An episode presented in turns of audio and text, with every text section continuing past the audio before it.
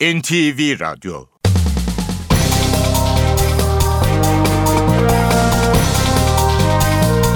İşe Giderken Mutlu sabahlar. Ben Aynur Altunkaş. Bugün 26 Ağustos Salı. İşe giderken de Türkiye ve dünya gündemine yakından bakacağız. Önce gündemin başlıkları.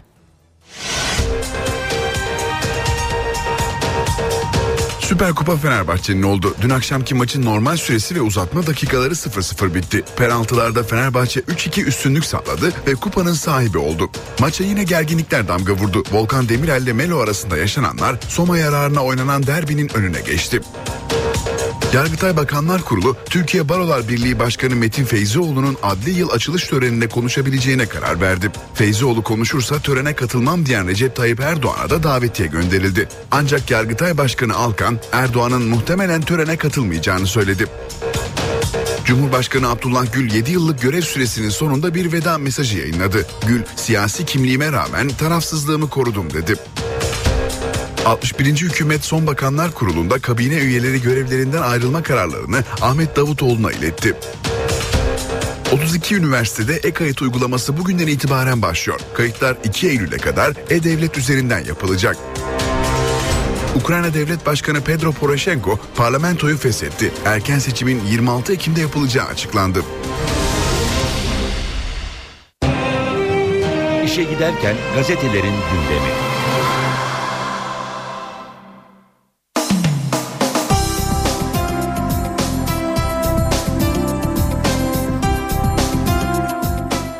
Basın özetleri Hürriyet gazetesiyle başlayacak. Sudan insan topladık manşetini görüyoruz. Baraj faciasını yaşayanlar anlatıyor.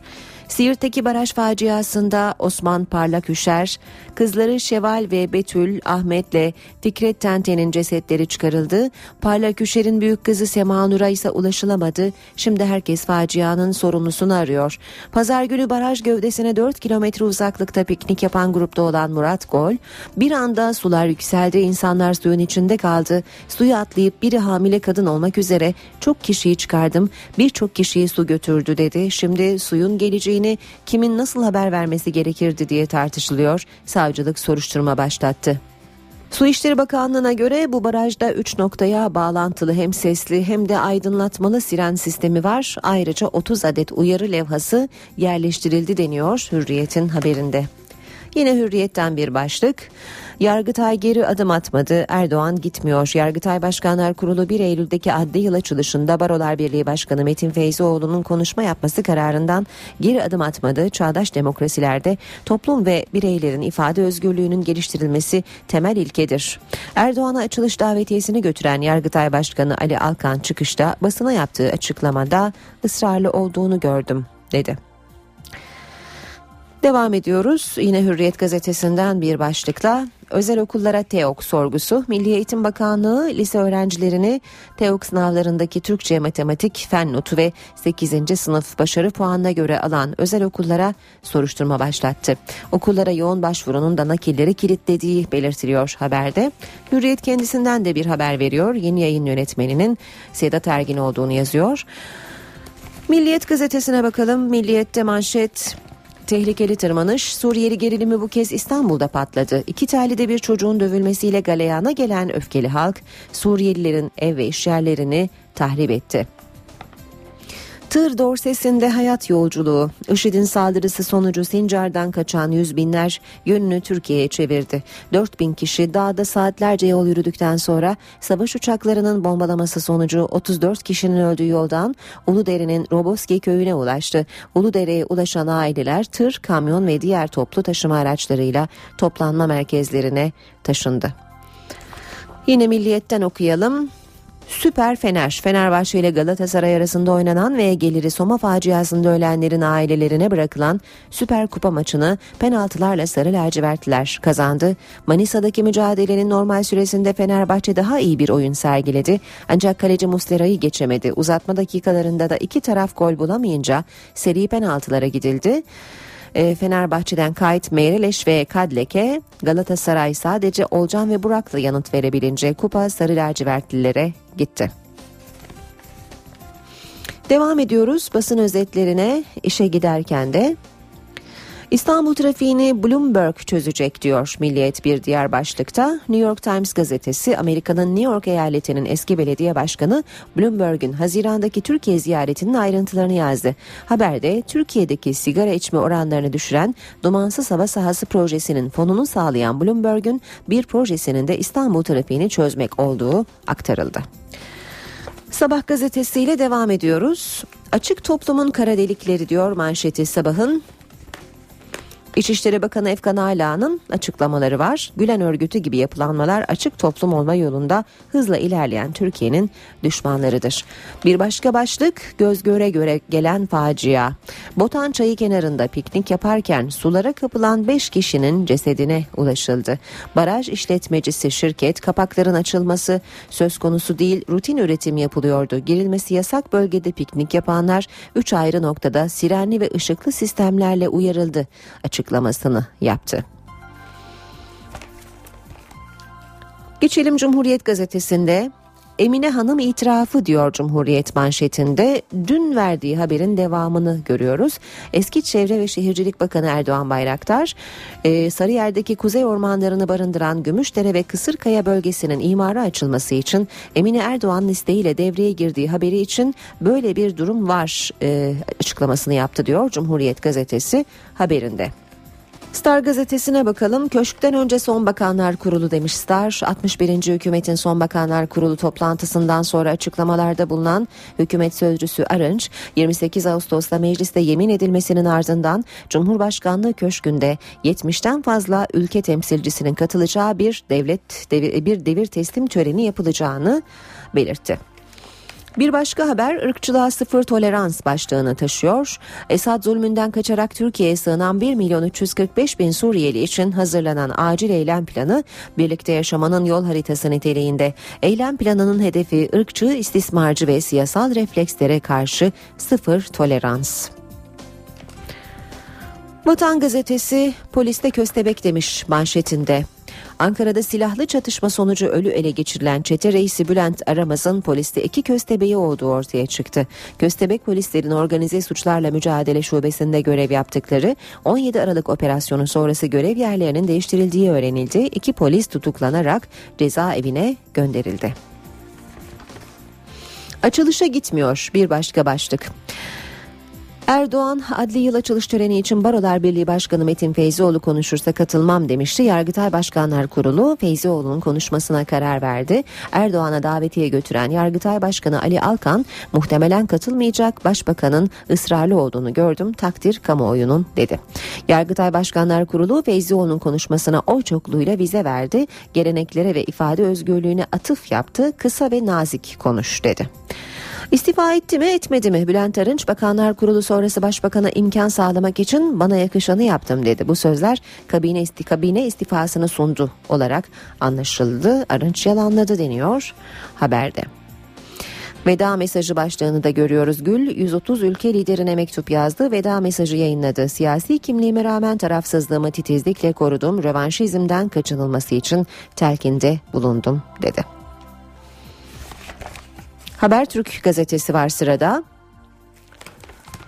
150 kilometre uzaktaki okula kayıt diyor Habertürk manşette. TEOK şoku. Yurt genelinde pek çok öğrencinin evlerine 150 kilometreyi bile aşan uzaklıkta tercih etmediği okullara kaydedildiği ortaya çıktı. Antalya'da bir öğrenci 150 kilometre uzaklıktaki ilçeye, İzmir 3 yolda oturan öğrenci 130 kilometre mesafede Ödemiş Kaymakçı'daki okula yazıldı. İstanbul Kadıköy'de oturan öğrenci ise 125 kilometre uzakta Çatalca'da liseye yerleşti. Veliler yol 6 saat özel okula mı vereyim diye isyanda. Aynı durumdaki onlarca aile nakil uygulamasını bekliyor. Dün boş kontenjanlara nakil için ilk gündü ama yapılamadı. Habertürk gazetesinden aktarmaya devam ediyoruz. Yorulan baba üç kızıyla öldü. Siirt'te piknik yaparken baraj sularına kapılan beş kişinin cesedi bulunduğu bir çocuk kayıp. Baro başkanı baraj yetkililerini suçladı. Şirketse kapakları açmadık diyor. Botan Nehri'ndeki faciadan kurtulan Adem Özevin şöyle anlatıyor. 12 kişi suda kenetlendi. 40 dakika yardım bekledik. Sonra yorgunluk baş gösterdi. Osman Parlak Üşer üç kızını tuttu ama yorulunca ve çocukların paniğiyle suya kapıldı. Yeni Şafak gazetesi Harekat merkezi Londra diyor manşette. İngiliz medyası Türkiye'yi teröre destek veren ülke gibi göstermek için IŞİD militanlarının fotoğraflarını basıp Antalya'dan gittiler diye yayına başladı. Ancak resimlerin Londra'daki Gatwick havaalanına ait olması dikkat çekti. Zaman gazetesine de bakalım. Aynı barajda ikinci facia demiş zamanda manşette. Eylül 2011'de yaşanan ilk faciada barajın kapakları uyarı yapılmadan açıldı. Bir baba ile iki oğlu suya kapılarak can verdi. Alınmayan önlemler ikinci faciayı doğurdu. Siirt Barosu'nun raporuna göre işletmeci firma suyu tedbirsiz ve kontrolsüz olarak bıraktı. 30 kilometrelik alana sahip Botan Vadisi'nde tehlike anında devreye giren sirenler için yeteri kadar hoparlör yok diyor Zaman Gazetesi haberinde.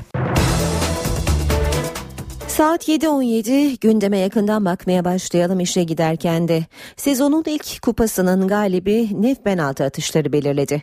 Fenerbahçe son iki sezondur Süper Kupa'da mağlup edemediği rakibini bu kez geçmeyi başardı. Dün akşam 90 dakikasında ve uzatma bölümlerinde gol olmayan maçı penaltı atışlarıyla Fenerbahçe 3-2 kazandı. Penaltı atışı sırasında Fenerbahçe'nin kalecisi Volkan'la Galatasaraylı oyuncu Melo arasında yaşanan gerginlik sonrası iki oyuncu sarı kart gördü. Manisa'da oynanan maçın geliri Mayıs ayında Soma'daki maden faciasında hayatını kaybedenlerin ailelerine bağışlandı. İşe giderken Cumhurbaşkanı Abdullah Gül'ün görev süresi iki gün sonra sona erecek. Gül 7 yıllık görev süresinin sonunda bir veda mesajı yayınladı. Siyasi kimliğime rağmen tarafsızlığımı korudum diyen Gül, kuvvetler ayrılığı, yargı bağımsızlığı ve basın özgürlüğüne değindi. Görevimden ayrılırken aziz Türk milletinin ve ülkemizin geleceğine olan inancımın tam olduğunu ifade etmek isterim. Gençlerimizin, çocuklarımızın gözlerinden öpüyorum. Hepinizi Allah'a emanet ediyorum. Görev süresi 28 Ağustos'ta sona erecek olan Cumhurbaşkanı Abdullah Gül veda mesajı yayınladı. Aziz vatandaşlarım diye başladı mesajına. Ardından da görev süresi boyunca siyasi kimliğini bir kenara bıraktığını anlattı. Siyasi kimliğime rağmen tarafsızlığımı titizlikle korudum. Cumhurbaşkanlığı görevimde öncelikle Çankaya'nın kapılarını sizlere, halkımıza açtım. Devleti ve milleti kucaklaştırdım, kaynaştırdım. Gül mesajında kuvvetler ayrılığı ve yargı bağımsızlığına vurgu yaptı. Kuvvetler ayrılığı ilkesinin, denge fren sisteminin demokrasimiz için önemini sık sık vurguladım. Basının ve sosyal medyanın özgürlüğünü titizlikle gözettim. Bunun ancak istisnai ve meşru hallerde sınırlanabileceği uyarısında bulundum. Hukukun üstünlüğü ile yargının bağımsızlığı ve tarafsızlığı ilkelerinin hiçbir şekilde zedelenmemesi için çalıştım. Aynı şekilde fikir, din, inanç ve vicdan özgürlüğü her zaman en üste tuttuğum değerler oldu. Gül'ün üstü kapalı da olsa paralel yapıya dönük mesajları da vardı. Kamu yönetiminde devlete sadakatin, liyakat ve ehliyetin esas olması gerektiğini hatırlattım. Devlet sistemi içinde anayasa ve kanunlardan kaynaklanmayan herhangi bir dayanışma ve yapılanmaya müsaade edilemeyeceğini her zaman vurguladım. 61. hükümetin son bakanlar kurulu toplantısı dün yapıldı. Toplantıya Cumhurbaşkanı seçilen Recep Tayyip Erdoğan Başbakan, Ahmet Davutoğlu ise Dışişleri Bakanı sıfatıyla son kez katıldı. Hükümet sözcüsü Bülent Arınç, Bakanlar Kurulu'nda kabine üyelerinin görevlerinden ayrılabileceklerini söylediğini açıkladı. Gerekçe yeni kabineyi kuracak Davutoğlu'nun elini rahatlatmak. Başbakanlık kaynakları bunun istifa anlamına gelmediğini vurguluyor. Doğru olanı yaptık. Usul böyledir kendi ekibine seçme hakkının verilmesidir. Rahat olun, çalışma arkadaşlarınızı rahatlıkla seçin. Biz size de teşekkür ediyoruz dedik. 61. hükümetin son bakanlar kurulu toplantısında kabine üyeleri görevlerinden ayrılma kararlarını Ahmet Davutoğlu'na iletti. Başbakan yardımcısı Bülent Arınç bu kararı yeni kabineyi kuracak Ahmet Davutoğlu'nun elini rahatlatmak için aldıklarını söyledi. Onun gidiyor olmasıyla aslında bizim de ona veda etmemiz lazım. Yeni bir başbakan hükümetini teşkil edecektir. Ona da imkan tanımak için bizim bazı düşüncelerimizi ifade etmemiz gerekiyordu. Ben bana yakışanı yaptım. 4 saat süren son toplantıya ilk gelen isim Başbakan Erdoğan oldu. Resmi gündemi olmayan toplantıda Başbakan kabine üyelerine veda etti. Kabine üyeleri de Başbakan'a. Toplantının ardından kameraların karşısına geçen Başbakan Yardımcısı Arınç, Cumhurbaşkanlığı devir teslim töreninin kendileri açısından önemini içimizde ukteydi diyerek anlattı. Sayın Ahmet Necdet Sezer bir devir teslim töreni yapmamıştı. Bu 7 seneden beri içimizde bir uktedir. Seçilen bir cumhurbaşkanına fevkalade ayıplanacak bir davranıştı. Arınç, Recep Tayyip Erdoğan'ın köşke çıkmasının ardından yeni başbakan görevi devralana kadar geçecek sürede başbakanlığa Ahmet Davutoğlu'nun vekalet edeceğini de açıkladı. 28'inde and içme ve devir teslim töreninden sonra arada bir zaman olacak. Bu zamanın çok kısa olacağını düşünüyoruz ve Sayın Başbakanımız bu süre içerisindeki vekalet görevini Sayın Ahmet Davutoğlu'na verecektir. Çok doğru ve çok haklı olarak. Cumhurbaşkanı seçildikten sonra Recep Tayyip Erdoğan'ın başbakanlık görevi bitti mi? CHP ve MHP Başbakan Erdoğan'ı görev süresi dolduğu halde başbakanlık yaptığı gerekçesiyle anayasayı ihlal etmekle suçluyor. CHP konuyu Anayasa Mahkemesi'ne de taşıdı. CHP'li Bülent Tezcan, Gürsel Tekin ve MHP'li Emin Haluk Ayhan'dan yine açıklamalar var. Recep Tayyip Erdoğan hukuka ve anayasaya aykırı bir şekilde hem Cumhurbaşkanlığı seçilmiş Cumhurbaşkanı olarak Cumhurbaşkanlığı hem başbakanlık hem de parti genel başkanlığı makamını işgal etmektedir. 15 Ağustos'tan beri resmen Cumhurbaşkanı olan Erdoğan anayasanın 101. maddesine aykırı hareket etmektedir. Başbakan Recep Tayyip Erdoğan'ın Cumhurbaşkanı seçilmesinin ardından başlayan başbakanlık görevi düştü mü tartışması devam ediyor. CHP konuyu Anayasa Mahkemesi'ne taşıdı. Erdoğan'ın anayasayı ihlal ettiğini savunan ana muhalefet partisi yüksek mahkemeye başvurdu. Yasayı, anayasayı tanımayan bir anlayışı kabul etmemiz mümkün değildir. Ben umut ediyorum ki ülkenin en üst hukuk kurumu en kısa süre içerisinde bu hukuk tanımazlıkla ilgili gereken kararı alacaktır. MHP'ye göre de Erdoğan başbakanlıktan istifa etmeyerek anayasayı ihlal etti. Artık Recep Tayyip Erdoğan 12. Cumhurbaşkanıdır. 15 Ağustos'tan sonra siyasi faaliyetlere katılması, başbakanlık, parti genel başkanlığı ve milletvekilliği görevlerini uhdesinde taşıması anayasaya göre imkansızdır. Muhalefetin hükümete yönelttiği bir diğer eleştiri ise Cumhurbaşkanı seçimi kesin sonuçlarının resmi gazetede yayınlamaması. CHP ve MHP'nin eleştirilerine yanıt veren Başbakan Yardımcısı Bülent Arınç, Başbakanın görev süresinin Cumhurbaşkanı'nın görev süresi dolduğu gün sona ereceğini söyledi. Muhalefet bu konuda saplantı içerisinde ifadesini kullandı. Adli yıl açılış töreninde Barolar Birliği Başkanı Metin Feyzioğlu kürsüde olacak. Başbakan Erdoğan Danıştay kuruluş yıl dönümünde Feyzioğlu ile yaşadığı tartışmanın ardından adli yıl açılışında konuşursa ben gitmem demişti. Yargıtay Başkanlar Kurulu ise Feyzioğlu konuşabilir kararı aldı. Kararın ardından Yargıtay Başkanı Başbakan Erdoğan'a tören davetiyesini sundu. Çıkışta da Başbakan muhtemelen katılmayacak dedi. Muhtemelen e, yani e, katılmayacak çünkü Sayın Cumhurbaşkanımız daha önceki e, basına yaptığı açıklamada ısrarlı olduğunu gördüm. Artık bizim de verdiğimiz bir karar var. E, takdir kamuoyunundur. Türkiye Barolar Birliği Başkanı Metin Feyzoğlu 1 Eylül'deki adli yıl açılış töreninde konuşacak ve Yargıtay Başkanı Ali Alkan'ın ifadesiyle o sırada Cumhurbaşkanlığı görevini yürütecek olan Recep Tayyip Erdoğan ise törene muhtemelen katılmayacak. Burada çok yapıcı bir konuşma. Danıştay'ın 10 Mayıs'ta düzenlenen 146. kuruluş yıl dönümü töreninde Feyzoğlu ile tartışan Başbakan Erdoğan, Barolar Birliği Başkanı'nın konuşması durumunda adli yıl açılış törenine katılmayacağını açıklamıştı. Bunun üzerine Yargıtay Başkanı programın revize edilmesi için Yargıtay Başkanlar Kurulu'nu toplantıya çağırdı. Kurul o çokluğuyla Feyzoğlu'nun konuşması yönünde karar aldı. Başkanlar Kurulu uzun müzakerelerden sonra davetiyelerin e, dağıtılmış olması, ifade özgürlüğü gibi kavramları gözeterek e, Barolar Birliği Başkanı'nın toplantıya katılmasını kabul etti. Kurul Feyzoğlu'nun konuşmasının Yargıtay Başkanı'nın yapacağı konuşmadan kısa olmasına karar verdi. Ali Alkan toplantının ardından Başbakan Erdoğan'ı ziyaret etti. Adli yıl açılış töreni davetiyesini verdi. Karara hükümetten ilk tepki ise Başbakan Yardımcısı Bülent Arınç'tan geldi. Teamül yazılı hukuk kuralı değildir. Barolar Birliği Başkanı da konuşur şeklinde bir hüküm bulunmamaktadır. Ancak teamül vazgeçilebilir. Bunlar kendi işlerindeki sorunlarıdır. NTV'ye konuk olan AK Parti İstanbul İl Başkanı Aziz Babuşçu gündeme ilişkin soruları yanıtladı. Babuşçu Cumhurbaşkanı Abdullah Gül'ün veda resepsiyonundaki sitemini makul karşıladığını söyledi. Önemli olan devletin zirvesindekiler arasındaki hukuktur dedi. E, sitem etmiş olmasını da e, ben makul buluyorum. Elbette ki zaman zaman e, farklı bakış açıları, farklı e, vizyonlarla işte danışmanların, etraftaki e, düşünce e, üreten arkadaşların etkilediği, şekillendirdiği e, maksatı aşan e, hadiseler de olmuş olabilir.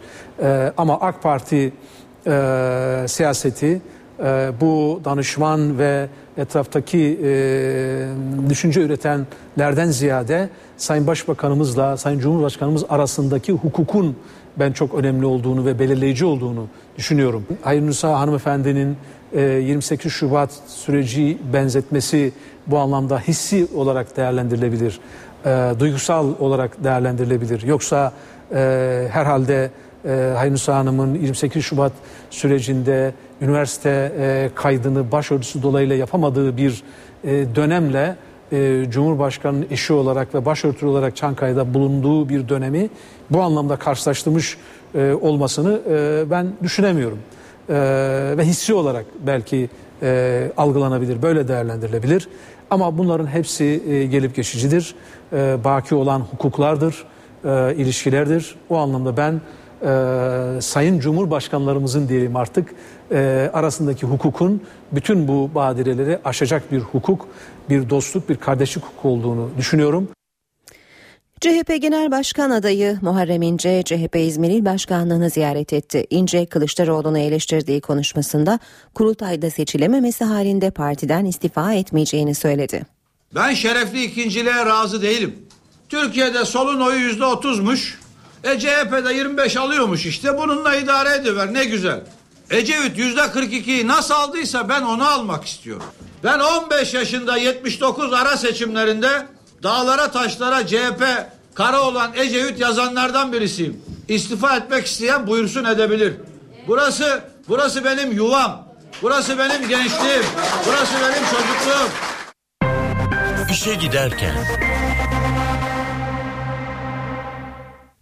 Twitter yetkilileri bir kez daha Türkiye'de. Gündemde Türkiye'de ofis açma var. Görüşme sonrası Başbakanlık yetkilileri NTV'ye konuştu ve görüşmelerin iyi gittiği belirtildi. Mart ayında mikroblog sitesi Twitter'a gelen sınırlamanın ardından başlayan görüşme trafiği devam ediyor. Twitter yetkilileri Bilgi Teknolojileri ve İletişim Kurumu Başkanı ve yetkilileriyle üçüncü kez İstanbul'da görüştü. Gündemde Twitter'ın Türkiye'de ofis açması ve ARGE faaliyetlerini Türkiye'ye taşıması vardı. Yaklaşık bir buçuk saat süren görüşme sonrası herhangi bir açıklama yapılmadı. NTV'ye açıklama yapan Başbakanlık yetkilileri Türkiye'de temas kurulabilecek bir Twitter ofisi açılması konusunda ısrarlı. Twitter'ın ülkemizde ofis açmasını istiyoruz. Öncelikle Twitter'la ülkemizde karşılıklı muhataplık konusunu halletmek istiyoruz. Görüşmelerin iyi yönde gittiğini en azından söylemek lazım. Başbakan Recep Tayyip Erdoğan 30 Mart seçimleri öncesi düzenlenen Bursa mitinginde Twitter'ın kökünü kazıyacağız demişti. Bu açıklamadan kısa bir süre sonra Telekomünikasyon İletişim Başkanlığı bazı mahkeme kararlarının uygulanmasında yavaş davranılmasını gerekçe göstererek mikroblog sitesine erişimi kaldırmıştı. Ancak yapılan bireysel başvuruların ardından Anayasa Mahkemesi yasağın ifade özgürlüğüne aykırı olduğuna hükmetti. Twitter yasağı 13 gün sonra 3 Nisan'da kalktı. Yaşananlardan sonra şirket yetkilileri Türkiye'ye gelerek temaslarda bulunmuşlardı.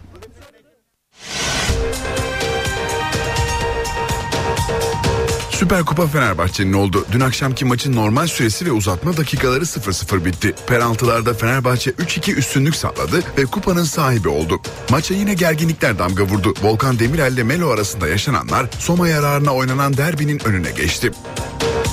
Yargıtay Bakanlar Kurulu, Türkiye Barolar Birliği Başkanı Metin Feyzioğlu'nun adli yıl açılış töreninde konuşabileceğine karar verdi. Feyzioğlu konuşursa törene katılmam diyen Recep Tayyip Erdoğan'a da davetiye gönderildi. Ancak Yargıtay Başkanı Alkan, Erdoğan'ın muhtemelen törene katılmayacağını söyledi. Cumhurbaşkanı Abdullah Gül 7 yıllık görev süresinin sonunda bir veda mesajı yayınladı. Gül, siyasi kimliğime rağmen tarafsızlığımı korudum dedi. 61. hükümetin son bakanlar kurulunda kabine üyeleri görevlerinden ayrılma kararlarını Ahmet Davutoğlu'na iletti. 32 üniversitede e-kayıt uygulaması bugünden itibaren başlıyor. Kayıtlar 2 Eylül'e kadar e-devlet üzerinden yapılacak. Ukrayna Devlet Başkanı Pedro Poroshenko parlamentoyu feshetti. Erken seçimin 26 Ekim'de yapılacağı açıklandı.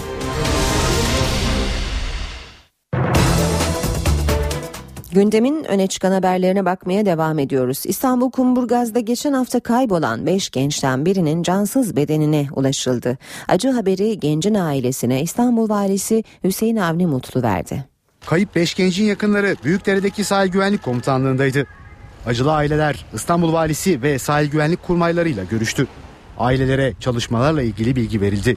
Marmara Adası sahilinde önceki gün bulunan cesedin kimliğiyle ilgili bilgi toplantı sırasında geldi. Cesedin Serdar Demir'e ait olduğu ortaya çıkınca toplantıda bulunan gencin yakını fenalık geçirdi. Hastaneye kaldırıldı. Dört kayıp genç için arama çalışmaları Güney Marmara kıyılarında devam ediyor. Balıkesir'in Erdek, Marmara Adası ve Bandırma ilçelerinde deniz taranıyor. Geçtiğimiz pazar günü 5 genç Kumburgaz sahilinden deniz bisikletiyle açılmış, sonra da gençlerden haber alınamamıştı. Önceki gün Marmara Adası açıklarında bulunan cesedin Serdar Demir olduğu tespit edildi. Aramalar sonucunda Balıkesir'in Erdek ilçesi İlhanlar Köyü sahilinde deniz bisikleti parçaları bulundu. Ancak diğer kayıp gençlerden Doğan Demir, Şükrü Kahraman, Mikail Çelik ve Yusuf Büyükizgi'den halen iz yok. Siirt'te önceki gün Botan Çayı'nda seviyesi bir anda yükselen suya kapılan 5 kişinin cesedi bulunmuştu. Kayıp bir kişi arama çalışmasına devam ediliyor. Taşkına baraj kapaklarının açılmasının neden olduğu iddiası var. Ancak yetkililer bu iddiayı yalanlıyor. Sıkı sıkı tutunun hiç bırakmayacak şey yapmayın. Haber verdim acile haber verdim barajı hepsine haber vermişim. Piknik yapıyorlardı. Su bir anda yükseldi. Abi elbiseleri at ya birbirinizi tutun ya. Ya bir şey yapamıyoruz ne yapalım? Elbiseleri at birbirinizi sıkı sıkı tutun. Yani ağırlık olsun. 45 dakikalık ölüm kalım savaşında bazıları dayanamadı suya kapıldı. Siirt'te çok sayıda aile pazar günü Alkumru Barajı'nın yakınında piknik yapıyordu. Yasak olmasına rağmen Botan Çayı'nın ortasındaki adacık doluydu. Barajdan gelen su bir anda etraflarını sardı. Kalabalık birbirine tutunarak akıntıya karşı koymaya çalıştı. 2-3 dakika içinde oldu her şey. 5 dakika içinde de boyumuza geldi yani. 45 dakika boyunca böyle tuttuk birbirimizi. Siren sesi duydunuz mu? Siren sesi hiç duymadık. Ee, kilit yaptık birbirimize suyun içinde. Kol kola. Kol kola aynen. Sonra bu ölen arkadaşlarımızdan birkaçı dayanamayıp yani birbirimizi bıraktı. Bazıları kendi çabalarıyla bazıları da çevredekilerin yardımıyla kıyıya çıkmayı başardı. 6 kişi o kadar şanslı değildi. Suya kapılan 3'ü çocuk 5 kişinin cesedi bulundu. Bir kişi aranıyor. Olayda yaralanan 6 kişi de Siirt'teki hastanelerde tedavi altına alındı. Su seviyesinin nasıl aniden yükseldiği henüz netlik kazanmadı. Duyumları aldığını söyleyenler de var. Herhangi bir siren sesini duymadığını söyleyen arkadaşlarımız da var. Adli ve idari soruşturma sonucunda bunlar ortaya çıkacak. Barajın sahibi olan şirketse kapakların açılmadığını, bir taşkın ya da baraj kapağı arızası olmadığını ancak yasak bölgede bulunanların sirenlerle uyarıldığını açıkladı. Başbakan yardımcısı Bülent Arınç da sirenlerin çalıp çalmadığı ile ilgili polemiğe açıklık getirdi. Haber şöyledir. Elektrik üretimi için aynı anda iki ünitenin çalıştırılması talimatı veriliyor. Kapakların açılmasından 15 dakika önce uyarı sireni çalınıyor. Her zaman yapıldığı böyleymiş. Gerçekten idareye atfen bir kusur var mı veya işletmeye atfen bir kusur var mı? Hem Enerji Bakanlığımız hem de Başsavcılıkla beraber valiliğimiz ve ilgili makamlar soruşturma yapıyorlar. Kars'ta silahlı saldırıya uğrayan ünlü kalp cerrahı Bingür Sönmez'in tedavisine İstanbul'da devam ediliyor. Ünlü cerrahın durumu iyi. Hocamız gerçekten umduğumuzun çok çok üzerinde iyi şartlarda. Ee, inşallah önümüzdeki hafta kendisini e, tekrar hastalarıyla hizmet verirken sizlerle beraber göreceğiz. Ünlü kalp cerrahı Profesör Bingür Sönmez, Kars'ın Sarıkamış ilçesinde uğradı silahlı saldırının ardından tedavi altında. İstanbul'da çalıştığı hastanede tedavi gören Sönmez'in sağlık durumu iyi. Elini sıyırmış olan bir yaralanma söz konusu. Dolayısıyla elinin fonksiyonlarında en ufak bir sorun yok. Kemik, sinir, oradan geçen e, tendonlar bunların hiçbirisinde yaralanma yok ve fonksiyonları çok iyi. Ayağında da herhangi bir kalıcı veya onun yaşantısını etkileyici bir hasar söz konusu değil. Bu çok büyük bir şans. Doktorlar çok ciddi sonuçları olabilecek bir saldırının en az hasarla atlatıldığını söylüyor. Sönmez, basit bazı operasyonların ardından tekrar işinin başına dönebilecek. Herhangi bir sinir yaralanması veya damar yaralanması olmamış olması e, bizi çok son derece sevindiren bir durum. Ameliyatlarına kısa süre içerisinde devam edeceğini öngörebiliyoruz.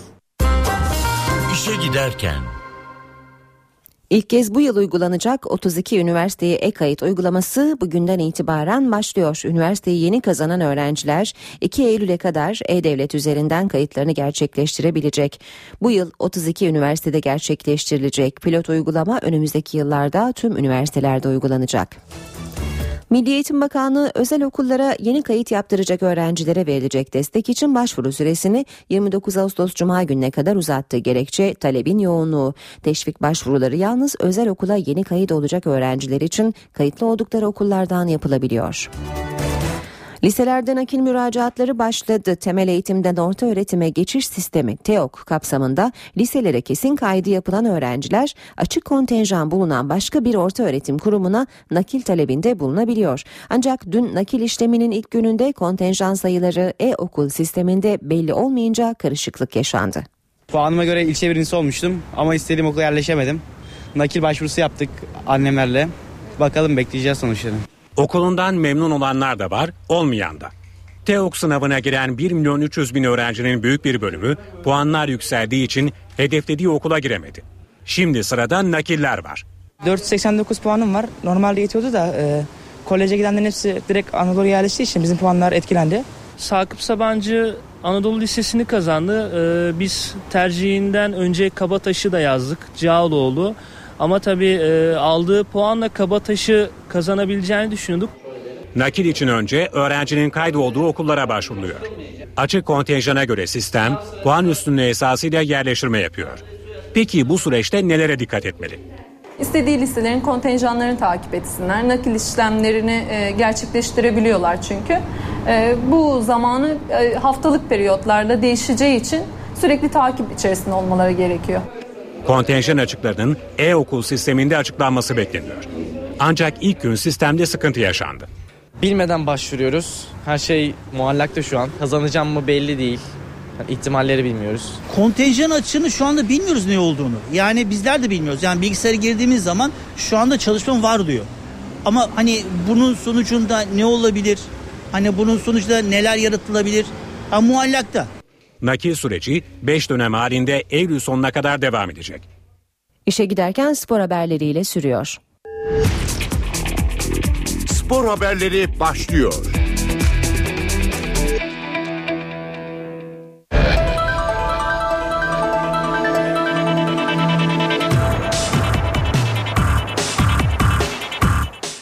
Günaydın spor gündeminden gelişmelerle birlikteyiz. Sezonun ilk kupasının galibini penaltı vuruşları belirledi. Fenerbahçe son iki sezondur Süper Kupa'da mağlup edemediği rakibini bu kez geçmeyi başardı. 90 dakikasında ve uzatma bölümlerinde gol olmayan maçı penaltı vuruşlarıyla Fenerbahçe 3-2 kazandı ve Süper Kupayı müzesine götürdü. Sarı Kırmızılı ekipte ilk penaltı vuruşunu kullanan Olcan Adın başarılı olurken Selçuk İnan'ın ve Melo'nun vuruşlarında top üstten out'a gitti. Yekta Kurtuluş'un penaltısında ise kaleci Volkan Demirel gol izni vermedi. Sarı Kırmızılı ekip Burak Yılmaz'la da penaltı vuruşunda başarılı oldu. Fenerbahçe'de ise ilk penaltı vuruşunda kayıt golü bulurken Caner Erkin ve Mehmet Topuz'un penaltılarını kaleci Muslera kurtardı. Sarı lacivertli ekip dördüncü penaltı vuruşunu Mereles'le gole çevirmeyi başardı. Son vuruşu değerlendiren Katleç takımının Süper Kupayı kazanmasını sağladı. Süper Kupa sonrası Fenerbahçe Teknik Direktörü İsmail Kartal kupayı hak ederek kazandıklarını söyledi. Karşılaşmaya çok iyi hazırlandıklarını vurgulayan Kartal Süper Kupayı camiamıza armağan ediyoruz diye konuştu. Hafta başından beri bu maça çok ciddi bir şekilde hazırlandık. Ee, taktiksel anlamda oyuncularım maçın tamamını söyleyemesek de büyük bölümünde söylediklerimizi, istediklerimizi gerek teorik olarak gerekse saha içinde yaptığımız pratik bir taktiksel çalışmalar sonucunda yerine getirdiler. Ee, bu anlamda da onları ben tebrik ediyorum. Bugün zannediyorum ki oynanan bir futboldan dolayı her iki takım da centilmence mücadele etti. Kendilerine yakışık mücadele etti. Biz Galatasaray'a göre daha fazla pozisyonlar ürettik. Olmadı. Penaltılarla kupayı kazandığımız için e, mutluyum. Başkanımıza, yöneticilerime, taraftarlarımıza ve camiamıza bu kupa hayırlı olsun. Lig öncesi e, bana ve oyuncularıma e, bir moral oldu. Bugüne kadar oynanan maçlara bakarsanız o anlamda çok centilmence bir maç oldu dedim. Kırmızı kartlar yoktu. Çok aşırı sertlikler, ortamı gelecek bir pozisyonlar ve durum yoktu. Onun için centilmence bir maç oldu dedim. Yıl olsun yani. Volkan'ın açıklamalarını ben duymadım, bilmiyorum. Bu konuda bir şey konuşmak istemiyorum. Bilmediğim, duymadığım için. Galatasaray Teknik Direktörü Cesare Prandelli Fenerbahçe maçı sonrası öz eleştiride bulundu. Organize bir takıma karşı oynadıklarını vurgulayan İtalyan teknik adam Başkan Ünal Aysal'dan transfer beklediklerini söyledi. Organize bir takıma karşı oynadık. Biz de iki değişikliği yaptıktan sonra agresif bir tavır aldık. Ancak maç penaltılara gitti. Burada şans faktörü Fenerbahçe'den yanaydı. Sonuçta onlar kazandı. Tebrik ediyoruz. Defansif bloğu tam olarak oturtamadık. Bunun nedeni yalnızca savunma değil, orta saha bloğunun da savunmaya yardım etme işidir. Snyder'e oyunda tutmak zorundaydık. Onun vereceği katkı bizim için çok önemliydi. Mustara'ya gelirsek onun maç içerisinde gösterdiği performans çok iyiydi. Kendisini kutluyorum. Bizim için çok özel bir derbiydi. Maçtan 2 saat öncesine kadar şarkılar söylenmeye başlandı. İki takım taraftar da harikaydı. Çok özel bir atmosfer oldu bizim için. Sahaya atılan cisimler konusunda ise kural eksikliği olduğunu görüyorum. Bir takımı motive edebilmek için karşı tarafa saygısızlık yapmamamız gerekiyor. Yeni transfer gelirse değişiklikler olabilir ama şu anda taktiğimiz bu. Bu şekilde devam edeceğiz. Başkanımız takım için çalışmalarını sürdürüyor. Biz de o çalışmaların sonucunu bekliyoruz. Beşiktaş Başkanı Fikret Orman sponsorluk anlaşması töreninde Arsenal maçı ve transferlerle ilgili konuştu. Takımın iyi bir hava yakaladığını dile getiren Orman, Brian Ruiz ve Martin Lines'ten başka isimlerle de görüştüklerini söyledi. Takımımızın iyi bir havası var. Futbol şansı çok önemli bu maçta. Yani futbol şansı gerçekten çok önemli. E, gollerin olması, pozisyonların olması, e, şansın bizim yanımızda olmasına ihtiyacımız var. Hmm, Çok kalabalık bir ekip olarak gidiyoruz. Çok misafirimiz var. Ee, Beşiktaşlar e, çok özlediler e, böyle maçları. Açıkçası konuşmak gerekirse ben bir yönetimde ilk defa iki, iki sene geçtik artık. iki buçuk sene oldu. İlk defa Avrupa'da Tromso maçını saymazsak deplasmanlara ve maçlara başladık. Allah kalbimizdeki gibi nasip etsin ne diyeyim başka. Bundan sonrası söz oyuncularda. Martin Linens ve Brian Ruiz ile ilgili e, son zaman diliminde ciddi çalışmalarda bulunuyorsunuz. Bu iki oyuncuyla alakalı son durum nedir? Bir tek bu iki oyuncu değil ilgilendiğimiz oyuncular. Bunlar olmayabilir. Başkaları da olabilir. İsim vermek durumunda değilim. Beşiktaş'ın bütçesine uyacak tarzda transfer yapmaya gayret ediyoruz. Hep söylüyorum transfer yapmak çok kolay bir iş esasında yöneticiler açısından. Ancak doğru transferi doğru fiyatlarla ve doğru şekilde yapmak bizim işimiz. Bu arada Beşiktaş kafilesini taşıyan uçak bugün saat 10 itibariyle İngiltere'ye hareket edecek. Bu bilgilerle spor bültenimizi tamamlıyoruz. İyi günler diliyoruz. NTV Radyo Herkese yeniden günaydın. Yeni saatte başlıyoruz. Birazdan Gökhan'a Bura son hava tahminlerini soracağız. Önce gündemin başlıkları. Süper Kupa Fenerbahçe'nin oldu. Dün akşamki maçın normal süresi ve uzatma dakikaları 0-0 bitti. Penaltılarda Fenerbahçe 3-2 üstünlük sağladı ve kupanın sahibi oldu. Maça yine gerginlikler damga vurdu. Volkan Demirel ile Melo arasında yaşananlar Soma yararına oynanan derbinin önüne geçti. Yargıtay Bakanlar Kurulu, Türkiye Barolar Birliği Başkanı Metin Feyzioğlu'nun adli yıl açılış töreninde konuşabileceğine karar verdi. Feyzioğlu konuşursa törene katılmam diyen Recep Tayyip Erdoğan'a da davetiye gönderildi. Ancak Yargıtay Başkanı Alkan, Erdoğan'ın muhtemelen törene katılmayacağını söyledi. Cumhurbaşkanı Abdullah Gül 7 yıllık görev süresinin sonunda bir veda mesajı yayınladı. Gül, siyasi kimliğime rağmen tarafsızlığımı korudum dedi. 61. hükümetin son bakanlar kurulunda kabine üyeleri görevlerinden ayrılma kararlarını Ahmet Davutoğlu'na iletti. 32 üniversitede e-kayıt uygulaması bugünden itibaren başlıyor. Kayıtlar 2 Eylül'e kadar e-devlet üzerinden yapılacak. Ukrayna Devlet Başkanı Pedro Poroshenko parlamentoyu feshetti. Erken seçimin 26 Ekim'de yapılacağı açıklandı. Gökhan Abur'la beraberiz. Günaydın Sayın Abur. Günaydın.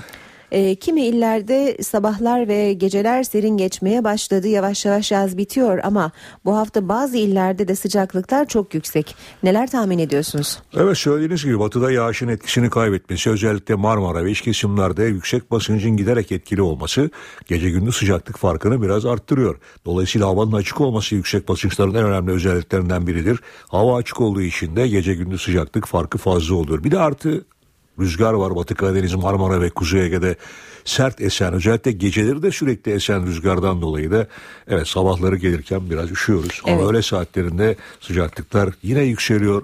Özellikle bugün Marmara bölgesinde en az birkaç derecelik yükseliş bekliyoruz. İstanbul düne göre birkaç derece daha ısınacak. Bu sıcaklık yükselişleri yarın da devam edecek. İç Anadolu bölgesinin sıcak hava kütlesinin etkisi altına girdi. Zaten İç Anadolu bölgesinde uzun zamandır mevsim ortalamalarının 5-6 derece üzerinde olan sıcaklıklar görülüyor. Daha da yükselecek. Ee, Güney Ege'de yine yüksek sıcaklıklar var. Akdeniz boyunca yüksek sıcaklık ve nem yer yer hissedilen sıcaklıkları 45 dereceye kadar çıkartabilecek. Evet doğuda ise doğu ve güneydoğuda ise sıcaklıklar bugün de yine ortalamaları üzerinde olacak. Batıda yağışın etkisini kaybetmesi ve sıcaklıkların yükselmesiyle birlikte doğuda yağışlar hafifledi. En azından bugün için yine Rize Artvin arasında gün içinde aralıklarla yağış bekliyoruz. Hatta e, Trabzon'un doğu ilçelerinden başlayabilecek bu yağışlar. Aynı şekilde Erzurum'un doğusundan başlayıp Kars Ardahan'da kısa süreli yağışlar görülebilecek. Yarın yarın yağış yok. Yarın ülke genelinde yağış beklemiyoruz. Sıcaklıklar yükselmeye devam edecek. Rüzgarlar kuvvetleniyor. Özellikle bugün için yine öğle saatlerinde sert esmesini beklediğimiz Poyraz yönlü rüzgar var Marmara'da. Şu anda İstanbul'da Poyraz 13-14 kilometre hızla esiyor. Öğle saatlerinde hızını zaman zaman 20 kilometrenin üzerine çıkaracak. Sıcaklık 24 derece. Bugün İstanbul'da beklediğimiz en yüksek sıcaklıksa yer yer 30 ile 31 derece arasında olacak. Ankara'da sıcaklık 20 dereceye yaklaştı. Hava açık. Ankara'da da bugün gün içinde sıcaklıklar 33-34 dereceye kadar çıkacak. 18 derece demiştim. Gece sıcaklığı yine 15-16'lar civarında olacak. E, zaman zaman sertleşecek bir Poyraz var Ankara'da da. İzmir'de ise sabah saatlerinde karayel biraz sert esiyordu ama ilerleyen saatlerde karayel yavaşlayacak. Nem oranı yüksek. Rüzgarın e, zayıflaması, nemin yüksek olması bugün için İzmir'de beklediğimiz 34-35 derecelik sıcaklığı yer yer 38 ile 40 derece arasında hissettirecek. Ege biraz bunaltıcı bir gün yaşayacak diyebilirim bugün için. Evet. Son tahminler bu yönde diyorsunuz. Evet. Gökhan Abur teşekkür Ben ediyoruz. teşekkür ediyorum. NTV Radyo Gündeme yakından bakmaya devam edelim. Cumhurbaşkanı Abdullah Gül'ün görev süresi iki gün sonra sona erecek. Gül, 7 yıllık görev süresinin sonunda bir veda mesajı yayınladı. Siyasi kimliğime rağmen tarafsızlığımı korudum diyen Gül, kuvvetler ayrılığı, yargı bağımsızlığı ve basın özgürlüğüne değindi. Görevimden ayrılırken aziz Türk milletinin ve ülkemizin geleceğine olan inancımın tam olduğunu ifade etmek isterim. Gençlerimizin, çocuklarımızın gözlerinden öpüyorum. Hepinizi Allah'a emanet ediyorum. Görev süresi 28 Ağustos'ta sona erecek olan Cumhurbaşkanı Abdullah Gül veda mesajı yayınladı. Aziz vatandaşlarım diye başladı mesajına. Ardından da görev süresi boyunca siyasi kimliğini bir kenara bıraktığını anlattı. Siyasi kimliğime rağmen tarafsızlığımı titizlikle korudum. Cumhurbaşkanlığı görevimde öncelikle Çankaya'nın kapılarını sizlere, halkımıza açtım. Devleti ve milleti kucaklaştırdım, kaynaştırdım. Gül mesajında kuvvetler ayrılığı ve yargı bağımsızlığına vurgu yaptı. Kuvvetler ayrılığı ilkesinin, denge fren sisteminin demokrasimiz için önemini sık sık vurguladım. Basının ve sosyal medyanın özgürlüğünü titizlikle gözettim. Bunun ancak istisnai ve meşru hallerde sınırlanabileceği uyarısında bulundum. Hukukun üstünlüğü ile yargının bağımsızlığı ve tarafsızlığı ilkelerinin hiçbir şekilde zedelenmemesi için çalıştım. Aynı şekilde fikir, din, inanç ve vicdan özgürlüğü her zaman en üste tuttuğum değerler oldu. Gül'ün üstü kapalı da olsa paralel yapıya dönük mesajları da vardı. Kamu yönetiminde devlete sadakatin, liyakat ve ehliyetin esas olması gerektiğini hatırlattım. Devlet sistemi içinde anayasa ve kanunlardan kaynaklanmayan herhangi bir dayanışma ve yapılanmaya müsaade edilemeyeceğini her zaman vurguladım.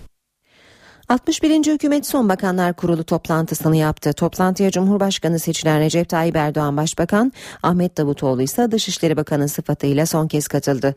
Hükümet sözcüsü Bülent Arınç, Bakanlar Kurulu'nda kabine üyelerinin görevlerinden ayrılabileceklerini söylediğini açıkladı. Gerekçe yeni kabineyi kuracak Davutoğlu'nun elini rahatlatmak. Başbakanlık kaynakları bunun istifa anlamına gelmediğini vurguluyor. Doğru olanı yaptık. Usul böyledir. Kendi ekibine seçme hakkının verilmesidir. Rahat olun, çalışma arkadaşlarınızı rahatlıkla seçin. Biz size de teşekkür ediyoruz dedik. 61. hükümetin son bakanlar kurulu toplantısında kabine üyeleri görevlerinden ayrılma kararlarını Ahmet Davutoğlu'na iletti. Başbakan yardımcısı Bülent Arınç bu kararı yeni kabineyi kuracak Ahmet Davutoğlu'nun elini rahatlatmak için aldıklarını söyledi. Onun gidiyor olmasıyla aslında bizim de ona veda etmemiz lazım. Yeni bir başbakan hükümetini teşkil edecektir. Ona da imkan tanımak için bizim bazı düşüncelerimizi ifade etmemiz gerekiyordu. Ben bana yakışanı yaptım. 4 saat süren son toplantıya ilk gelen isim Başbakan Erdoğan oldu. Resmi gündemi olmayan toplantıda Başbakan kabine üyelerine veda etti. Kabine üyeleri de Başbakan'a. Toplantının ardından kameraların karşısına geçen Başbakan Yardımcısı Arınç, Cumhurbaşkanlığı devir teslim töreninin kendileri açısından önemini içimizde ukteydi diyerek anlattı. Sayın Ahmet Necdet Sezer bir devir teslim töreni yapmamıştı. Bu 7 seneden beri içimizde bir uktedir. Seçilen bir cumhurbaşkanına fevkalade ayıplanacak bir davranıştı. Arınç, Recep Tayyip Erdoğan'ın köşke çıkmasının ardından yeni başbakan görevi devralana kadar geçecek sürede başbakanlığa Ahmet Davutoğlu'nun vekalet edeceğini de açıkladı. 28'inde and içme ve devir teslim töreninden sonra arada bir zaman olacak. Bu zamanın çok kısa olacağını düşünüyoruz ve Sayın Başbakanımız bu süre içerisindeki vekalet görevini Sayın Ahmet Davutoğlu'na verecektir. Çok doğru ve çok haklı olarak. Adli yıl açılış töreninde Barolar Birliği Başkanı Metin Feyzioğlu kürsüde olacak. Başbakan Erdoğan Danıştay kuruluş yıl dönümünde Feyzioğlu ile yaşadığı tartışmanın ardından adli yıl açılışında konuşursa ben gitmem demişti. Yargıtay Başkanlar Kurulu ise Feyzioğlu konuşabilir kararı aldı. Kararın ardından Yargıtay Başkanı Başbakan Erdoğan'a tören davetiyesini sundu. Çıkışta da Başbakan muhtemelen katılmayacak dedi. Muhtemelen e, yani e, katılmayacak çünkü Sayın Cumhurbaşkanımız daha önceki e, basına yaptığı açıklamada ısrarlı olduğunu e, gördüm. Artık e, bizim de verdiğimiz bir karar var. E, takdir e, kamuoyunundur. Türkiye Barolar Birliği Başkanı Metin Feyzoğlu 1 Eylül'deki adli yıl açılış töreninde konuşacak ve Yargıtay Başkanı Ali Alkan'ın ifadesiyle o sırada Cumhurbaşkanlığı görevini yürütecek olan Recep Tayyip Erdoğan ise törene muhtemelen katılmayacak. Burada çok yapıcı bir konuşma. Danıştay'ın 10 Mayıs'ta düzenlenen 146. kuruluş yıl dönümü töreninde Feyzoğlu ile tartışan Başbakan Erdoğan, Barolar Birliği Başkanı'nın konuşması durumunda adli yıl açılış törenine katılmayacağını açıklamıştı. Bunun üzerine Yargıtay Başkanı programın revize edilmesi için Yargıtay Başkanlar Kurulu'nu toplantıya çağırdı. Kurul o çokluğuyla Feyzoğlu'nun konuşması yönünde karar aldı. Başkanlar Kurulu uzun müzakerelerden sonra davetiyelerin e, dağıtılmış olması, ifade özgürlüğü gibi kavramları gözeterek e, Barolar Birliği Başkanı'nın toplantıya katılmasını kabul etti. Kurul Feyzoğlu'nun konuşmasının Yargıtay Başkanı'nın yapacağı konuşmadan kısa olmasına karar verdi. Ali Alkan toplantının ardından Başbakan Erdoğan'ı ziyaret etti. Adli yıl açılış töreni davetiyesini verdi. Karara hükümetten ilk tepki ise Başbakan Yardımcısı Bülent Arınç'tan geldi. Teamül yazılı hukuk kuralı değildir. Barolar Birliği Başkanı da konuşur şeklinde bir hüküm bulunmamaktadır. Ancak teamül vazgeçilebilir. Bunlar kendi işlerindeki sorunlarıdır. İşe giderken Siirt'te önceki gün Botan çayında seviyesi bir anda yükselen suya kapılan 5 kişinin cesedi bulundu. Kayıp bir kişi arama çalışmasına devam ediliyor. Taşkına baraj kapaklarının açılmasının neden olduğu iddiası var. Ancak yetkililer bu iddiayı yalanlıyor. Doğan sıkı sıkı tutunun hiç bırakmayın heyecan şey yapmayın. Haber verdim acile haber verdim barajı hepsine haber vermişim. Piknik yapıyorlardı. Su bir anda yükseldi. Abi elbiseleri at ya birbirinizi tutun ya. Ya bir şey yapamıyoruz ne yapalım? Elbiseleri at birbirinizi sıkı sıkı tutun. Yani ağırlık olsun. 45 dakikalık ölüm kalım savaşında bazıları dayanamadı suya kapıldı. Siirt'te çok sayıda aile pazar günü Alkumru Barajı'nın yakınında piknik yapıyordu. Yasak olmasına rağmen Botan Çayı'nın ortasındaki adacık doluydu. Barajdan gelen su bir anda etraflarını sardı. Kalabalık birbirine tutunarak akıntıya karşı koymaya çalıştı. 2-3 dakika içinde oldu her şey. 5 dakika içinde de boyumuza geldi yani. 45 dakika boyunca böyle tuttuk birbirimizi. Siren sesi duydunuz mu? Siren sesi hiç duymadık. Ee, kilit yaptık birbirimize suyun içinde. Kol kola. Kol kola aynen. Sonra bu ölen arkadaşlarımızdan birkaçı dayanamayıp yani birbirimizi bıraktı. Bazıları kendi çabalarıyla bazıları da çevredekilerin yardımıyla kıyıya çıkmayı başardı. 6 kişi o kadar şanslı değildi. Suya kapılan 3'ü çocuk 5 kişinin cesedi bulundu. Bir kişi aranıyor. Olayda yaralanan 6 kişi de Sirt'teki hastanelerde tedavi altına alındı. Su seviyesinin nasıl aniden yükseldiği henüz netlik kazanmadı. Duyumları aldığını söyleyenler de var. Herhangi bir siren sesini duymadığını söyleyen arkadaşlarımız da var. Adli ve idari soruşturma sonucunda bunlar ortaya çıkacak. Barajın sahibi olan şirketse kapakların açılmadığını, bir taşkın ya da baraj kapağı arızası olmadığını ancak yasak bölgede bulunanların sirenlerle uyarıldığını açıkladı. Başbakan yardımcısı Bülent Arınç da sirenlerin çalıp çalmadığı ile ilgili polemiğe açıklık getirdi. Haber şöyledir. Elektrik üretimi için aynı anda iki ünitenin çalıştırılması talimatı veriliyor. Kapakların açılmasından 15 dakika önce uyarı sireni çalınıyor. Her zaman yapıldığı böyleymiş. Gerçekten idareye atfen bir kusur var mı veya işletmeye atfen bir kusur var mı? Hem Enerji Bakanlığımız hem de Başsavcılıkla beraber valiliğimiz ve ilgili makamlar soruşturma yapıyorlar. İstanbul Kumburgaz'da geçen hafta kaybolan 5 gençten birinin cansız bedenine ulaşıldı. Acı haberi gencin ailesine İstanbul Valisi Hüseyin Avni Mutlu verdi. Kayıp 5 gencin yakınları Büyükdere'deki sahil güvenlik komutanlığındaydı. Acılı aileler İstanbul Valisi ve sahil güvenlik kurmaylarıyla görüştü. Ailelere çalışmalarla ilgili bilgi verildi. Marmara Adası sahilinde önceki gün bulunan cesedin kimliğiyle ilgili bilgi toplantı sırasında geldi. Cesedin Serdar Demir'e ait olduğu ortaya çıkınca toplantıda bulunan gencin yakını fenalık geçirdi. Hastaneye kaldırıldı. Dört kayıp genç için arama çalışmaları Güney Marmara kıyılarında devam ediyor. Balıkesir'in Erdek, Marmara Adası ve Bandırma ilçelerinde deniz taranıyor. Geçtiğimiz pazar günü 5 genç Kumburgaz sahilinden deniz bisikletiyle açılmış, sonra da gençlerden haber alınamamıştı. Önceki gün Marmara Adası açıklarında bulunan cesedin Serdar Demir olduğu tespit edildi. Aramalar sonucunda Balıkesir'in Erdek ilçesi İlhanlar Köyü sahilinde deniz bisikleti parçaları bulundu. Ancak diğer kayıp gençlerden Doğan Demir, Şükrü Kahraman, Mikail Çelik ve Yusuf Büyükizgi'den halen iz yok. Saat 8.22 işe giderken başkent gündemiyle devam edecek. Karşımızda Gökhan Gerçek var. Gökhan günaydın. Günaydın Aynur. Hem yarın yapılacak AK Parti kongresi hemen ertesindeki devir teslim töreni e, bir taraftan da adli yıl açılış töreninde Feyzioğlu Erdoğan gerginliği yoğun bir hafta bugün için neler söyleyeceksin? Türkiye'nin senin de söylediğin gibi yılın en yoğun haftalarından bir tanesini geçirdiğini söyleyebiliriz. Bu başlıklar çerçevesinde AK Parti olağan kongresi yarın yapılacak Cumhurbaşkanlığı devir teslim töreni bir sonraki gün yeni kabinenin kurulması tabi dikkatle takip ettiğimiz konular arasında e, trafik bu çerçevede hareketli. Başbakan adayı Ahmet Davutoğlu hükümet programı ve yeni kabine ve tabi 27 Ağustos'taki AK Parti kongresine ilişkin çalışmalarını bugün de sürdürecek. Burada bir başlık açalım. Dün e, Bakanlar Kurulu toplantısı sonrasında Bülent Arınç hükümet sözcüsü bir açıklama yapmış ve Ahmet Davutoğlu'nun elini e, rahatlatmak için bakanların istifa edeceğini açıklanmıştı. Daha doğrusu e, onun söylemiyle böyle anlaşıldı. Böyle bir şey yok dedi. Daha sonra düzeltti bu açıklamasını Bülent Arınç ve tüm bakanların istifası söz konusu değil değerlendirmesinde bulundu. Evet kongre hazırlıkları devam ediyor. Yarınki büyük, büyük kongre e, ile ilgili son durum AK Parti sözcüsü Hüseyin Çelik kamuoyuyla paylaşacak. Çelik kongrenin yapılacağı Ankara Arena'da e, bir basın toplantısı yapacak. CHP'de ise kurultay hazırlıkları devam ediyor. Kemal Kılıçdaroğlu'nun şimdi tek rakibi Muharrem İnce ama muhalif kanattan başka adaylar çıkacak mı çıkmayacak mı bunları takip edeceğiz. Bunun sonucunu önümüzdeki günlerde göreceğiz. Kimler aday olacak, delege kimden yana kurultayda ne tür mesajlar verecek? Tüm bu soruların yanıtları bugün de aranmaya devam edecek. Özür dilerim. Muharrem İnce bugün Ankara Konya il başkanlarını ziyaret edecek. CHP lideri Kemal Kılıçdaroğlu ise İstanbul'da bir cenaze töreninde olacak. E, CHP eski ilçe başkanı ve kurultay delegesi Hüseyin Özkahraman'ın abisi Mustafa Özkahraman'ın cenaze törenine katılacak. Kılıçdaroğlu e, MHP lideri Devlet Bahçeli'de bir cenazede olacak.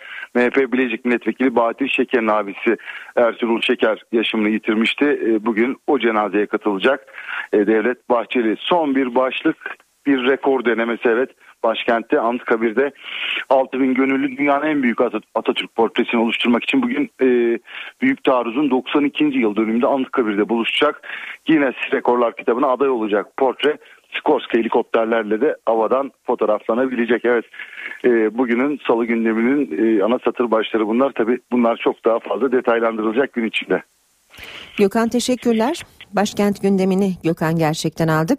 Şimdi ekonomi başlığıyla devam edeceğiz. Önce Profesör Güngör Uras bize yurt dışındaki Türklerin Türk turizmine etkilerini anlatacak. Ayşe teyze ne yapsın?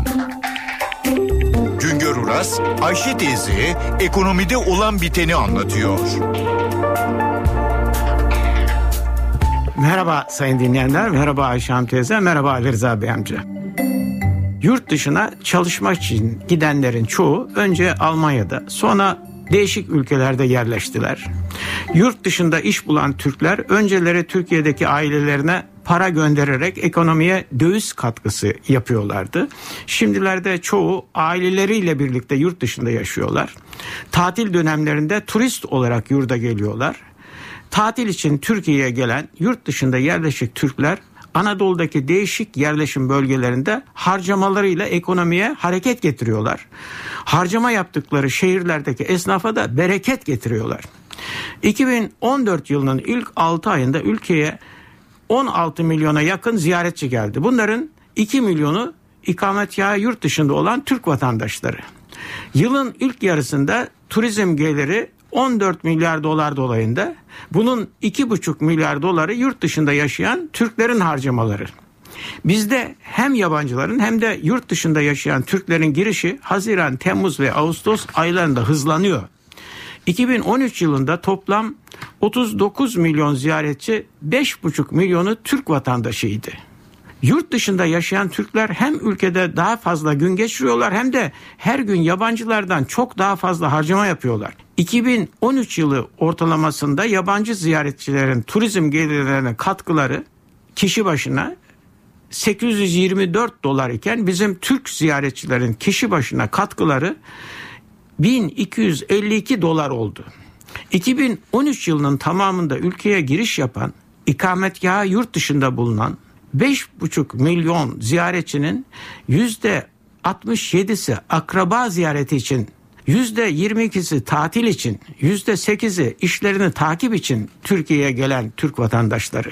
Yurt dışında ikamet eden Türklerin harcamaları da üçer aylık dönemlerde farklı oluyor. En fazla harcama yılın 3. 3 aylık döneminde yani tatil döneminde oluyor. 2013 yılında yurt dışında yaşayan Türklerin toplam 7 milyar dolara yakın harcamalarında en büyük pay yeme içmeye gitti. Yeme içme için harcanan para 2,5 milyar dolar dolayında. Giyecek harcamaları 880 milyon dolar, hediyelik harcamaları 430 milyon dolar dolayında. İkametgahı yurt dışında olan Türkler Türkiye'ye gelişlerinde sünnetlere, nişanlara, düğünlere katılıyorlar. Düğün dernek demek hediye demek. Altın takı demek. Bu nedenle hediyelik harcamaları oldukça yüksek oluyor. Bir başka söyleşi de birlikte olmak ümidiyle şen ve esen kalın sayın dinleyenler. Güngör Uras'a sormak istediklerinizi ntvradio.ntv.com.tr adresine yazabilirsiniz. Türkiye İstatistik Kurumu verilerine göre konut satışları Temmuz ayında %20 azaldı. Peki bu düşüşün sebepleri neler ve ne kadar devam edecek? NTV ekibi İstanbul Emlak Komisyoncuları Odası Başkanı Nizamettin Aşa'ya sordu. Fiyatlar arttı, konut satışları düştü. Türkiye İstatistik Kurumu verilerine göre konut satışlarında %20,2'lik bir azalma var. Türkiye genelinde Temmuz ayında 85.101 konut satıldı. Uzun zaman zaten bu sıkıntılı piyasa olan emlak piyasasını şu anda kitlemiş vaziyette. Satışların düşmesinde en önemli etken artan fiyatlar. Başta sebepleri e, hem fiyatların yüksek olması, balon fiyatlar dediğimiz e, yüksek fiyatlar. İkincisi konut kredi faizlerinin yükselmesi, dövizdeki dalgalanma e, ve piyasanın seçime endekslenmesi. Emlak piyasasındaki durgunluğun bir süre daha devam etmesi bekleniyor.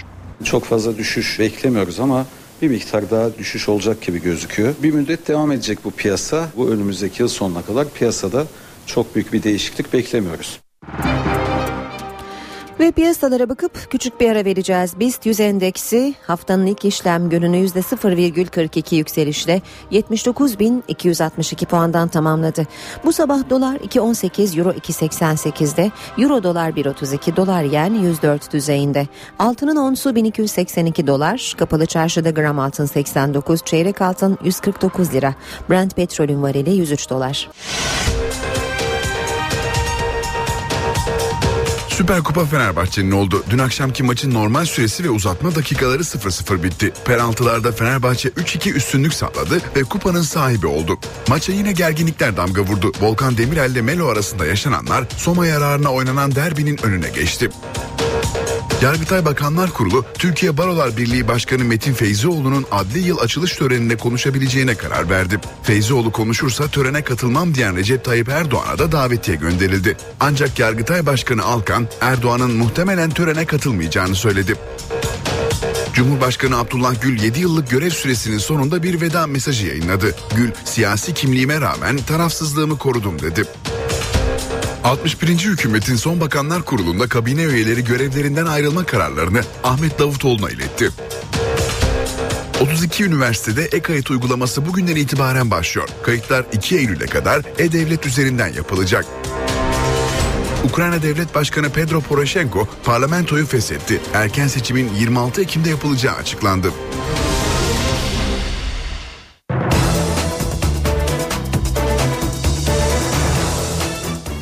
Cuma gecesi Libya açıklarında 200'den fazla yolcusuyla batan kaçak gemisinde ölen 100 kişinin daha cesedi bulundu. Bu yılın ilk 8 ayında 100 binden fazla kaçağın ülkeye girdiğini belirten İtalya hafta sonu da 4 bin kaçağı ölümden kurtardı. Buna rağmen 250'den fazla kaçak boğularak can verdi. Cuma gecesi Libya açıklarında batan gemide yaşamını yitiren bazı kaçakların cesetlerine ulaşıldı. Yetkililer karaya vuranlar hariç 100 civarında kaçan cansız bedenine ulaşıldığını açıkladı. Şu ana dek 100 kadar cesede ulaştık. Kendiliğinden karaya vuranlar bu sayıya dahil değil. Toplam rakam 170 ya da 180 olmalı. Öte yandan İtalyan yetkililer 2014'ün ilk 8 ayında ülkeye giriş yapan kaçak sayısının 100 bini aştığını açıkladı. Hafta sonu da Akdeniz'de kaçak faciası yaşandı. İtalya'ya gitmeye çalışan 250'den fazla kaçak bindikleri derme çatma teknenin batması sonucu boğularak can verdi. İtalyan sahil güvenliği 4000 kaçağı boğulmak üzereyken kurtardı. Yaklaşık 20 kaçağın umuda yolculuğu ise ölümle noktalandı. İtalyan yetkililer Lampedusa adası açıklarında geçen yıl yaşanan facianın ardından Akdeniz'de kaçakları aramak ve kurtarmak için devreye geziyor. Bizim denizimiz adı verilen operasyon sayesinde çok sayıda kaçağın boğulmak üzereyken denizden kurtarıldığı belirtiliyor. Lampedusa adası açıklarında geçen Ekim ayında 366 kaçak boğularak can vermişti. Ukrayna Devlet Başkanı Petro Poroshenko parlamentoyu feshettiğini açıkladı. Birçok parlamenterin otoriter yasalar lehine oy kullandığını ve devrik devlet başkanı Viktor Yanukovych destekçisi olduğunu belirten Poroshenko, erken seçimin 26 Ekim'de düzenleneceğini belirtti. Ukrayna Devlet Başkanı Petro Poroshenko parlamentoyu feshetti ve erken seçim tarihi açıkladı. Sevgili yurttaşlar, Ukrayna parlamentosunun çalışmalarını askıya almaya karar verdim. Yeni parlamento için seçimler 26 Ekim 2014 tarihinde gerçekleştirilecek. Poroshenko karara gerekçe olarak mevcut milletvekillerinin çoğunun devrik lider Viktor Yanukovych yanlısı olmasını ve Ukraynalıların çoğunun yeni bir parlamento istemesini gösterdi. Bu arada Ukrayna ordusu ve Rusya yanlıları Ukrayna'nın doğusunda çatışmaya devam ediyor. Ukrayna ordusu ayrılıkçılara ait zırhlı araçların Rusya'dan Ukrayna sınırına girdiğini açıkladı. 10 tank ve 2 zırhlı personel taşıyıcısından oluşan konvoyun ülkenin güneydoğusundaki liman kenti Mariupol'e yöneldiği ancak yolda durdurulduğu belirtildi. Ayrıca Rusya, Ukrayna'nın doğusuna yeni bir yardım konvoyu göndereceğini açıkladı. Ukrayna ve batılı ülkeler Rusya'yı Ukrayna'nın doğusundaki Rusya yanlısı ayrılıkçıları desteklemekle suçlarken Rusya ise iddiaları reddediyor. Rusya ve Ukrayna devlet başkanları bugün Belarus'ta toplanarak derinleşen kriz hakkında görüşecek. Fransa'da da hükümet devrildi. Başbakan Manuel Valls kabinenin istifasını sundu. İstifayı kabul eden Cumhurbaşkanı François Hollande yeni kabineyi kurması için yine Vals'i görevlendirdi. İstifa kararı hükümet içinde ekonomi politikaları konusundaki anlaşmazlıkların sonrasında geldi. Anketlere göre Cumhurbaşkanı Hollande ve Başbakan Vals'a verilen destek dibe vurmuş durumda. Yeni kurulacak kabinenin sosyal liberal eğilimli olacağı belirtiliyor. İsrail Gazze'yi aralıksız vuruyor. Dün gece de yüksek binalar hedefteydi. 13 katlı bir binada 20 kişi yaralandı. İsrail savaş uçaklarının Gazze şeridinde farklı noktalara düzenlediği saldırılarda da 2 kişi hayatını kaybetti. İsrail'in 7 Temmuz'dan bu yana düzenlediği saldırılarda hayatını kaybedenlerin sayısı 2135'e yükseldi. İsrail'in Gazze yönelik hava saldırıları durmuyor. İsrail sınırındaki Beit Lahiye'de bazı evler hedefteydi. Can kayıpları oldu. Saldırının ardından Gazze'liler evlerin enkazında canlı bulmaya çalıştı. Saldırı başladığında oturuyorduk. Kaçmaya başladık ve evin tamamen yıkıldığını gördük. İsrail'in hedefleri arasında silah saklandığını iddia ettiği bir cami ve Hamas'ın yardım faaliyetlerini yürüttüğü merkez de vardı. Burası uyarı olmadan vuruldu. Bu organizasyon yardıma ihtiyacı olanlara ulaşıyor. Gördüğünüz gibi dünyanın birçok bölgesinden malzemeler geliyor. Ama şimdi hepsi yok oldu. Bu yıkımdan sonra yardımlarda bulunamayız. İsrail'in 8 Temmuz'dan bu yana Gazze yönelik saldırılarında 2100'den fazla Filistinli hayatını kaybetti. Bu süre içinde İsrail 64 asker olmak üzere 68 kayıp verdi. Amerika Birleşik Devletleri'nde polis tarafından tartışmalı bir şekilde öldürülen 18 yaşındaki genç toprağa verildi. Michael Brown'un cenazesine ailesi ve sevenlerinin yanı sıra siyahi toplumun önde gelen aktivistleri de katıldı. Polis kurşunlarıyla ölümü sonrası günlerce süren halk olaylarına neden olan Michael Brown için cenaze töreni düzenlendi. Missouri'nin St. Louis kentinde düzenlenen törene 18 yaşındaki gencin ailesi ve sevenleri katıldı. Törende ünlü insan hakları savunucusu ve papaz Jesse Jackson da hazır bulundu. Amerikan Başkanı Barack Obama da 3 Beyaz Saray görevlisini cenazeye gönderdi. Michael Brown'un amcası törende bir konuşma yaptı. Yerden göğe bir çığlık yükseliyor. Sadece Michael Brown için değil, Trayvon Martin için, Sandy Hook okulunda katledilen çocuklar için, Columbine katliamı için, birbirini öldüren siyahiler için ve Tanrımız ona yükselen bu çığlığı duyuyor.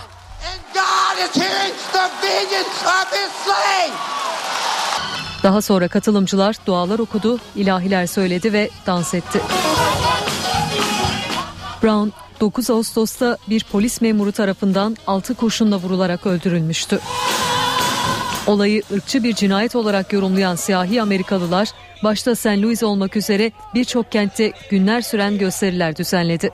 Amerikan polisinin göstericilere karşı orantısız güç kullanması uluslararası kamuoyunun tepkisini çekti. Ölümcül Ebola virüsü ilk kez Batı Afrika sınırlarının dışına çıktı. Virüs Orta Afrika ülkesi Demokratik Kongo Cumhuriyeti'ne de sıçradı. Hızla yayılan salgına karşı artık kanunlar da devrede. Sierra Leone'de Ebola vakalarını saklayanlara 2 yıl hapis cezası var. Ebola virüsü Batı Afrika'dan sonra Orta Afrika'ya da sıçradı. Demokratik Kongo Cumhuriyeti'nde ilk kez Ebola vakası görüldü. Ülkenin kuzeyinde iki kişide virüs tespit edildi. Bölge karantina altına alındı. Virüsün en çok etkilediği Batı Afrika ülkelerinden Sierra Leone'de ise tartışmalı Ebola yasası gündemde. Ülkede artık Ebola hastalarının kendilerini gizlemesi suç. Parlamentoda hafta sonu kabul edilen yasa Ebola'ya yakalandığını saklayanlar için 2 yıl hapis cezası öngörüyor. Hastalığı birçok kişiye bulaştırabilirsiniz. Bu sebeple yasayı haklı buluyorum. Evde tedaviyi seçerseniz 2 yıl hapis cezası bence doğru bir karar. Ebola vakalarının gizlenmesine özellikle Liberya ve Sierra Leone'de sıkça rastlanıyor. Birleşmiş Milletler yetkilileri bu nedenle salgının gerçek boyutlarının anlaşılamadığını, Ebola'nın hafife alındığını söylüyor. Ebola virüsünden ölenlerin sayısı 1400'ü aşmış durumda. Virüsten etkilenenlerin sayısı ise 2500'ün üzerinde. Yüksek ateş ve kusma gibi belirtilerle başlayan Ebola'nın bilinen bir tedavisi yok. Ama virüsün tedavisinde Zimep isimli bir ilaç deneniyor. İlacın uygulandığı Amerikalı iki sağlık görevlisi iyileşti. ALS hastalarına destek için başlatılan bir kova buz kampanyasına benzer bir kampanya da Gazze için başlatıldı. Gazze'lilerin yaşadıklarına dikkat çekmek isteyenler bu kez buz dolu bir kovayla değil kum dolu bir kovayla kameranın karşısına geçiyor. Gazze için bir kova kum. Gazze için başlatılan yeni kampanyanın adı bu. Kampanyaya katılanlar bir kova kumu başlarından aşağı döküyor. Kampanyanın mucidi de Filistinli bir gazeteci. Amacı evleri başlarına yıkılan Gazze'li çocukların yaşadıklarına dikkat çekmek. Eymen Alul, Gazze'de bombalanan binaların enkazı arasında çektirdiği videoda bir kova buz kampanyasını beğendim. Bu yüzden ben de Filistin versiyonunu yapmaya karar verdim diyor. Ardından da Filistinli gazetecinin başından aşağı kum ve moloz dolu bir kova dökülüyor. Alul'a göre Gazze'de su bulmak büyük sorun. Suyu dondurmaksa daha da zor. Filistinli gazetecinin başlattığı kampanya hızla yayılıyor. Birçok ülkeden kampanyaya destek ediyor. Bilim dünyası yıllardır organ nakline son verecek bir buluşun peşinde. Amaç laboratuvar ortamında çalışabilen organlar üretebilmek. Kök hücrelerle yapılan bu araştırmalarda şu ana kadar bir organı tamamen üretmek mümkün olmadı. İngiliz bilim insanları artık bu hedefe yakın. Bilim dünyası laboratuvar ortamında organ üretmeye bir adım daha yaklaştı. İngiliz bilim adamları embriyo hücreleriyle bağışıklık sistemi için hayati öneme sahip timüs bezini üretmeyi başardı. Deney fareler üzerinde yapıldı. DNA'sında değişiklik yapılan timüs hücreleri farelere enjekte edildi. Bu hücreler vücutta bir araya gelerek 4 hafta gibi kısa bir süre içerisinde sağlıklı bir tümüs organı oluşturdu. Ekip yöntemi 10 yıl içerisinde insanlarda denemeye hazırlanıyor. Araştırma bir ilk. Bilim dünyası kök hücreden kalp, karaciğer ve beyin dokusu üretebiliyor. Ancak bir organın tamamını laboratuvarda üretmek henüz mümkün değil. Bu nedenle İngiliz bilim adamları tarafından geliştirilen bu yeni yöntemin organ araştırmalarına büyük katkıda bulunması bekleniyor. Sağlıklı, stressiz bir hayat için birçok kişi spor salonlarında ter dökmek yerine yoga yapmayı tercih ediyor. Yoganın sadece vücut için değil, beyin için de iyi olduğu anlaşıldı. Amerika Birleşik Devletleri'nde yapılan bir araştırmaya göre yoga beyne güç veriyor. Araştırmalar düzenli yoga yapanların daha hızlı düşünme ve hatırlama becerisine sahip olduğunu ortaya koydu. Uzmanlar bu sonuca varmak için yogaya yeni başlayan 100 kişiyi 8 hafta boyunca izledi. Bu süre sonunda yapılan testler yoga yapanların hızlı karar verme ve hafıza becerisinde büyük bir ilerleme olduğunu gösterdi. Uzmanlar özellikle 50 yaş üstü insanların haftada 3 kez yoga yaparak beynini güçlendirebileceğini belirtiyor. Şov dünyasından bir haberle bitirelim. İşe giderken televizyonun Oscar'ları sayılan 66. Emmy ödül töreni Los Angeles'ta gerçekleşti. Ünlü televizyon yıldızlarının şıklıklarıyla göz doldurduğu gecede A2 ve CNBC'de yayınlanan Breaking Bad dizisi yılın en iyi draması ödülünü kazandı. Dizinin oyuncuları Bryan Cranston, Aaron Paul ve Anna Gunn da geceden ödülle döndü. Modern Family'de yılın en iyi komedi dizisi, dizinin başrol oyuncusu Jim Parsons da komedi dalında en iyi aktör ödülüne layık görüldü. Bitiriyoruz böylece işe giderken ben Aynur Altunkaş saat başında haber merkezi kuşağında buluşmak üzere hoşçakalın. NTV Radyo